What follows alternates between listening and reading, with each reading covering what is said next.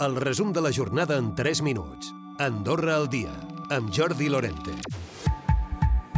Semblava molt difícil que es pogués arribar a un acord, però finalment hi ha hagut fumata blanca. No era fàcil, eren tres parts que estaven en litigi per tal d'esbrinar indemnitzacions i situacions provocades arran de l'esllavissada de l'agost del 2019 a la Portalada, al punt de trobada. Doncs bé, finalment s'ha trobat una entesa que satisfà tant al govern com al Comú de Sant Julià i a la propietat del terreny de la Portalada, la família Cachafeiro. Així, la propietat indemnitza al govern i al comú amb compensacions econòmiques i amb la cessió d'un terreny de la zona de la Portalada i de l'Hotel Pol. El propi cap de govern, Xavier Espot, es eh, mostrava satisfet després d'aquest acord. Va, va causar múltiples danys eh, materials i, per tant, això ens encaminava cap a un, cap a un camí de, de litigis eh, eterns, per, per dir-ho d'alguna manera, en els quals difícilment doncs, eh, tant el Comú de Sant Julià de Lòria com el, com el govern d'Andorra haguessin pogut quedar degudament rescabalats. No? I també el Comú recupera més de 4 milions d'euros. El seu cònsul major, Josep Majoral. Es va fer desallotjar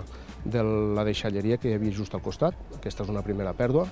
Uh, després això ens va portar a haver de llogar unes naus per poder reubicar-hi la pròpia deixalleria, per tant uns lloguers que venim pagant des del 2019 L'esllavissada també va tenir per a l'executiu un cost que supera els 6 milions d'euros a l'hora de fer la protecció a la zona. Ara bé, es veuran indemnitzats amb 3 milions que rebran de la propietat en líquid i uns altres 3 amb el 60% de l'hotel Pol. En definitiva, una solució que posa pau a aquest assumpte i que satisfà, com diem, a les parts. D'altra banda, parlem del que pot ser ja la presentació del pressupost eh, del 2024 en vista a la pròxima tardor. Ministre de Finances i està treballant és el Ramon Lladós sobre tres grans eixos, sobretot centrats en habitatge, transport públic i ajudes socials. Continuar amb les subvencions eh, d'ajudar les famílies que estan passant moments difícils degut a l'increment de preus.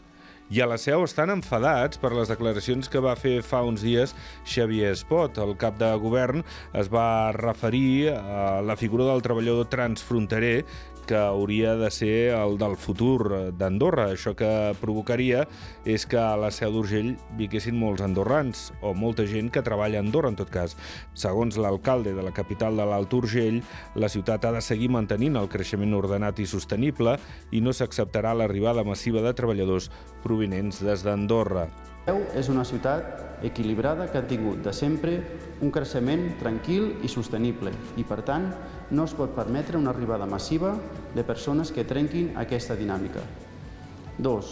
Els nostres equipaments municipals, educatius, sanitaris i socials estan dimensionats per a la població existent L'Hotel Casamanya, la futura seu del Ministeri de Medi Ambient, es convertirà en un espai on la natura i la vocació de la història seran protagonistes. Tindrà un cost de 4 milions d'euros i si es compleixen els terminis estarà a punt abans que acabi la legislatura. Recupera el resum de la jornada cada dia a AndorraDifusió.d i a les plataformes de podcast.